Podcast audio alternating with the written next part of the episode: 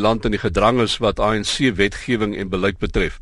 'n Ondersoek deur Afrisake dui op regeringsbeleid om eiendomsreg stelselmatig af te takel. En by ons in die ateljee vanoggend is die eie regskenner en Afriforum regsverteenwoordiger is Willie Spies, môre. Môre Kobus. En die uitvoerende hoof van die Vrye Mark Stichting Leon Lou, môre Leon. Nou môre Kobus. Nou, nie net herverdeling van landbougrond nie, sê hulle, maar alle eiendom is in die staat se versuur. Nou, dis 'n ernstige aanklag, Willie.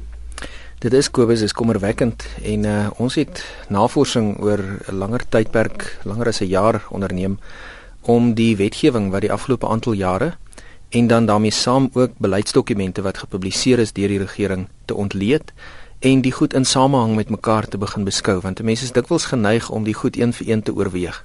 En baie wetsontwerpe as jy om een vir een en in isolasie kyk dan lyk hy onskuldig. Maar as jy dit begin sien as 'n breër netwerk van van 'n regerende regime om dit so te stel van wetgewing wat 'n bepaalde bestel tot gevolg gaan hê, dan sien jy 'n prentjie ontvou wat 'n mens werklik waar bekommer En uh, dit was die doel van gister se konferensie om openbare bewustheid te kweek vir wat presies aan die gang is in die wetgewende omgewing sodat ons die burgerlike samelewing kan mobiliseer om te kyk of ons die gety wel kan draai. Geef ons voorbeelde van van hierdie wetgewing en hoe hulle bymekaar inskakel.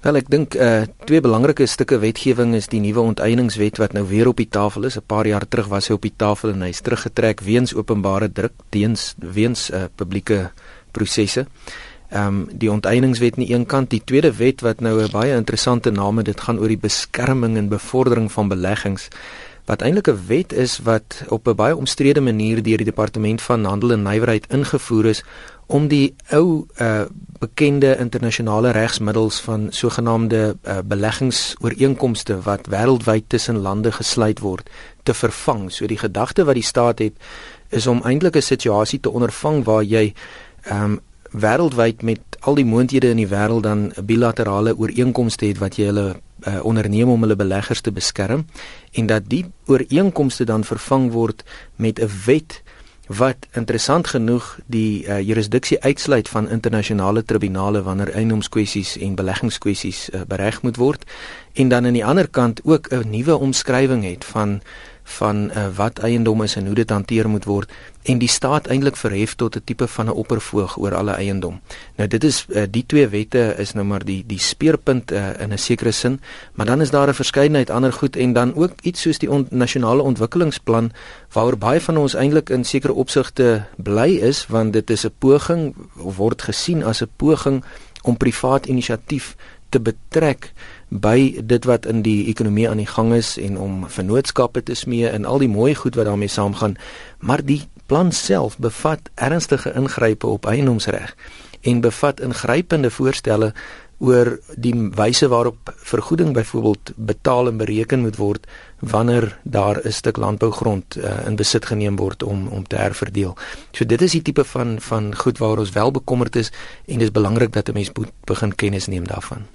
Leon, um, ons het nou vroeër in hierdie week uh, ook in 'n gesprek in hierdie program met is daar verwys na die die onvriendelikheid waarmee die regering toenemend die privaat sektor beheer. Ja, die sake sektor, mense wat in die privaat lewe staan. As ek kyk na hierdie goed, as ek luister na wat Willie ook nou hier te sê het, so jy weet daar's aanvanklik gesê dat ons onderskryf so half 'n vrye markstelsel met sekere voorwaardes natuurlik so ons beweeg al hoe verder van dit af weg lyk dit vir my. Ja daar is 'n aanval op uh vrye uh, vrye onderneming op die private individu en ek kan byvoorbeeld 'n vorm van van ehm um, onteiening noem wat nie eers in die Afrisake dokument is nie en dis die nuwe regulasies ten opsigte van gesondheidsversekering wat eintlik bestaande polisse onwettig maak. Nou hoekom word dit nie beskou as 'n vorm van onteiening nie en sosialisering van gesondheid en so ja, dis 'n aanval op baie fronte, op baie vlakke en dis baie ernstig. Uh die hele houding teenoor private onderneming en die markstelsel uh die sogenaamde paradigma wat ons het wat ons na 49 in 94 uh, uh, uh gevolg het is nou iets van die verlede en en dit is 'n groot probleem en ons beskou die oplossing miskien as om 'n manier te vind om vir die swart gemeenskap te laat voel dat hulle ook iets kan verloor. Want tans is dit ongelukkige rassistiese ding. Uh, dit lyk asof blankes vir regte en vir vrye onderneming is en vir uh, eiendomsreg en swartes is daarteen en daai paradigma is vreeslik gevaarlik en ongelukkig solank as wat dit die stryd is blankes teen swartes dan gaan blankes verloor. Nou, daar's met 5 punte vorendag gekom gister, 'n 5-punt plan om om hierdie saak te probeer oplos en miskien moet ons net 'n bietjie na na na hierdie 5 punte kyk wil jy. Uh punt nommer 1 ehm um, gaan oor grondherstel vir individue wat hulle eiendomsreg in die verlede verloor het. Ehm um, dit sluit baie nou aan juis ja. by wat Leon nou sê dat ons ehm um, het 'n interessante stelsel van aktesregistrasie in die land ontwikkel oor jare die sogenaamde die ou tuislandgebiede argumentsontalwe en selfs stedelike swart gebiede waarin swart mense in die apartheidsjare nie eienoomsreg gehad het nie hulle het net 'n huurpag tipe van reg gehad of 'n deed of grant of ietsie van die aard maar dis 'n dokument wat eintlik in die naam sê alreeds dat 'n deed of grant kan dikwels teruggetrek word dis nie volwaardige eienoomsreg nie en daar is wetgewing aanvaar in die in die vroeë 90's om eintlik voorsiening te maak vir die opgradering van hierdie regte en die omskakeling van hierdie regte in volwaardige eienoomsreg. Maar daar is 'n geweldige agterstand in daardie proses. Ekskuus tog. So ons ons vind dat daar 'n geweldige letterlik um, ehm, waarskynlik honderde duisende grondeienaars is wat eintlik de facto grondeienaars is maar wat nie regtens in daardie posisie is nie. Hulle sit met 'n dokument wat eintlik nie volwaardige eienoomsreg is nie. En as jy eenvoudig net daardie mense wat werklik waar alreeds 'n eiendompie het. Al is dit 'n klein stedelike eiendompie waar sy huisie gesetel is. Sover kan kry om daardie regte op te gradeer na eiendomsreg en 'n titelakte te kry en dat 'n mens begin voel jy het iets waarvoor jy kan kan beklei. Dan is dit dan is eiendomsreg nie meer soos Leon sê net 'n uh, een gemeenskap kwessie nie. Dan is dit 'n nasionale kwessie en dan vind 'n mens uh, ondersteuning. Interessant genoeg het ek al uh, ondervinding gehad van juis swart gemeenskappe hier in die Dennilton omgewing in Sekhukhune land waar 'n waar 'n swart gemeenskap na ons toe gekom het en gesê het maar ons is kleinhoewe eienaars. Ons het titelaktes interessant genoeg.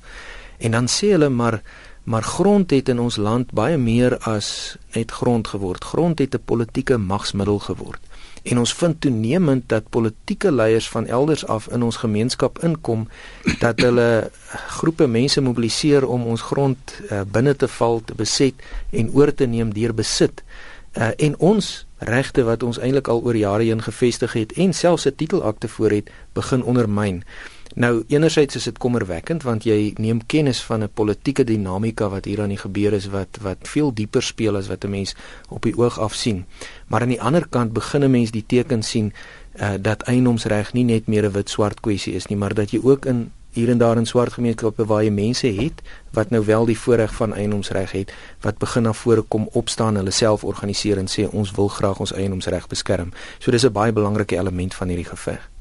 'n element wat dalk nog op die ouene een van die deurslaggewendes kan wees. Leon? Wel, ons is uh, doenig met 'n proses wat uh, baie optimisties lyk. En dit is in in die Wes-Kaap met die DA en ek noem die politieke partye in die Vrystaat met die ANC en en dit lyk ook asof dit in uh, KwaZulu-Natal gaan gebeur. En uh, in besonder onder die premier Ysmagashula in die Vrystaat is ons besig met 'n proses om alle eiendomme wat swart is tans besit waar hulle lewe solank as wat hulle permanent gesetel is dan gaan hulle 'n vol vrypagtitel ontvang sonder geen koste geen vereiste dat hulle huurgelde of iets moet betaal en wat ons het is uh, 'n uh, proses waar volgens enige persoon uh dit kan kan borg. Nou die gewone koste om 'n titel te ontvang sal in die gebied wees van 15 10 15 20000 onderhangend van waar dit is en so aan. Ons het die koste afgebring saam met die akteskantoor en die plaaslike owerheid, plaaslike prokureurs, uh, landmeters uh en so aan na R1800 toe. En so enig iemand kan 'n uh, 'n vrypag titel vir 'n swart huishouding borg vir R1800 en uh, ons het begin byvoorbeeld met uh, Christo Wiese wat gesê het hy gaan begin met 200 wat hy persoonlik uit sy eie sak uit gaan borg en ons hoop dat dit landwyd 'n veldbrand sal word waar elke plaaslike gemeenskap, elke boekklub, elke Rotariër klub, sakekamer, landbouunie en natuurlik nie 'n rasse ding nie, maar swartes, blankes almal sal sê kom ons skep omskep alle swart eiendomme na volvrypag en ons kyk na niemand weet hoeveel nie maar dit kan soveel as 10 miljoen eiendomme wees en dit kan 'n waarde wees van van 'n uh, biljard rand. Dit sê die, die so, soveel as die hele begroting. En uh, die proses het al begin. Die eerste 500 titels is uitgereik en oorhandig. Uh die eerste nasionale bank het 'n trust rekening geskep en hulle gaan ook 'n opvoedingsproses Eh, van stapel stuur waar volgens die gemeenskappe verduidelik sal wees wat die implikasies is, wat dit beteken. As ons dit kan regkry in Suid-Afrika, sal dit 'n nasiebouproses wees. Mense sal ontmoet die huis wat hulle geborg het. Hulle sal gaan kuier en 'n koppie tee drink. En en na dit dink ek sal ons eiendomsreg in Suid-Afrika baie veiliger wees as dit nie meer 'n wit-swart ding is nie. Die ander kwessie natuurlik en hy kom ook al jare saam met ons en dis die hele kwessie van herverdeling. Ja. Nee, inderdaad eh uh, Kobus en uh, ek dink dit sluit aan by die tweede aksiepunt wat hmm. hier uh, gestel word, naamlik die stryd om idees. Eh uh, ons bevind onsself in 'n in 'n demokratiese omgewing waar gedebatteer en geredeneer word en daar's 'n nasionale diskurs aan die gang. En daai nasionale diskurs uh, uh in daai nasionale diskurs wat aan die gang is, is hierdie kwessie van herverdeling uh baie pertinent aan die orde.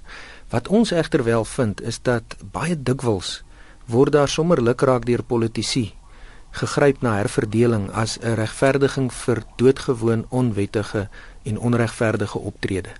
En dis hoekom hierdie stryd om idees so 'n belangrike saak is. Dis hoekom dit belangrik is dat daar 'n ideologiese begronding is van dit waarmee ons besig is. Dat die gedagte van eienoomsreg, dat internasionale voorbeelde van lande wat eienoomsreg het slaag, lande wat nie eienoomsreg het nie misluk, dat daardie punt gestel word dat dit bekend gemaak word dat die wêreld daarvan kennis neem en dat die land daarvan kennis neem en dat elke ou wat 'n titelakte van sy eie het uiteindelik besef maar ek moet hierdie reg en hierdie titel met alles beskerm wat ek het want eienoomsreg strek so diep. As jy nie eienoomsreg het nie is jy eintlik maar 'n slaaf en dit wil 'n mens vermy.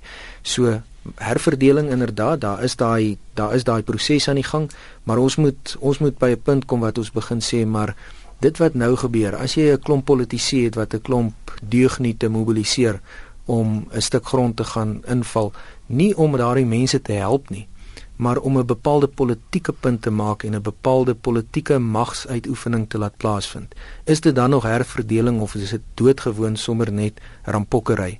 En daai tipe van onderskeide moet ons begin tref. Ons moet dit duidelik stel en ons moet ons eie standpunte ook duidelik stel sodat die wêreld daarvan kan kennis neem die tyd haal ons geweldig vinnig en ons het 'n bietjie meer as 'n minuut oor en uh, en daar's nog so baie waaroor ou wou praat maar die die optredes moet ek dink net moet ons net vlugtig na kyk. Uh, wat kan ons verwag oor die volgende tyd nou? Uh, jy weet hoe gaan 'n mens te werk om hierdie plan in werking te stel en dit onder die regering se aandag te bring ook? Ja.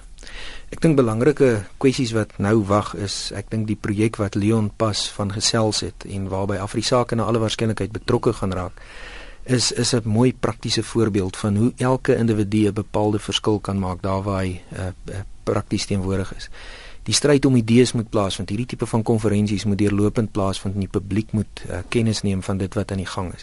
En dan regsaksie bly altyd 'n belangrike saak. 'n Hof is 'n wonderlike plek. Dis nie 'n politieke platform nie, dis nie die parlement nie. Dis 'n plek waar die idees een vir een voor 'n regter getoets word.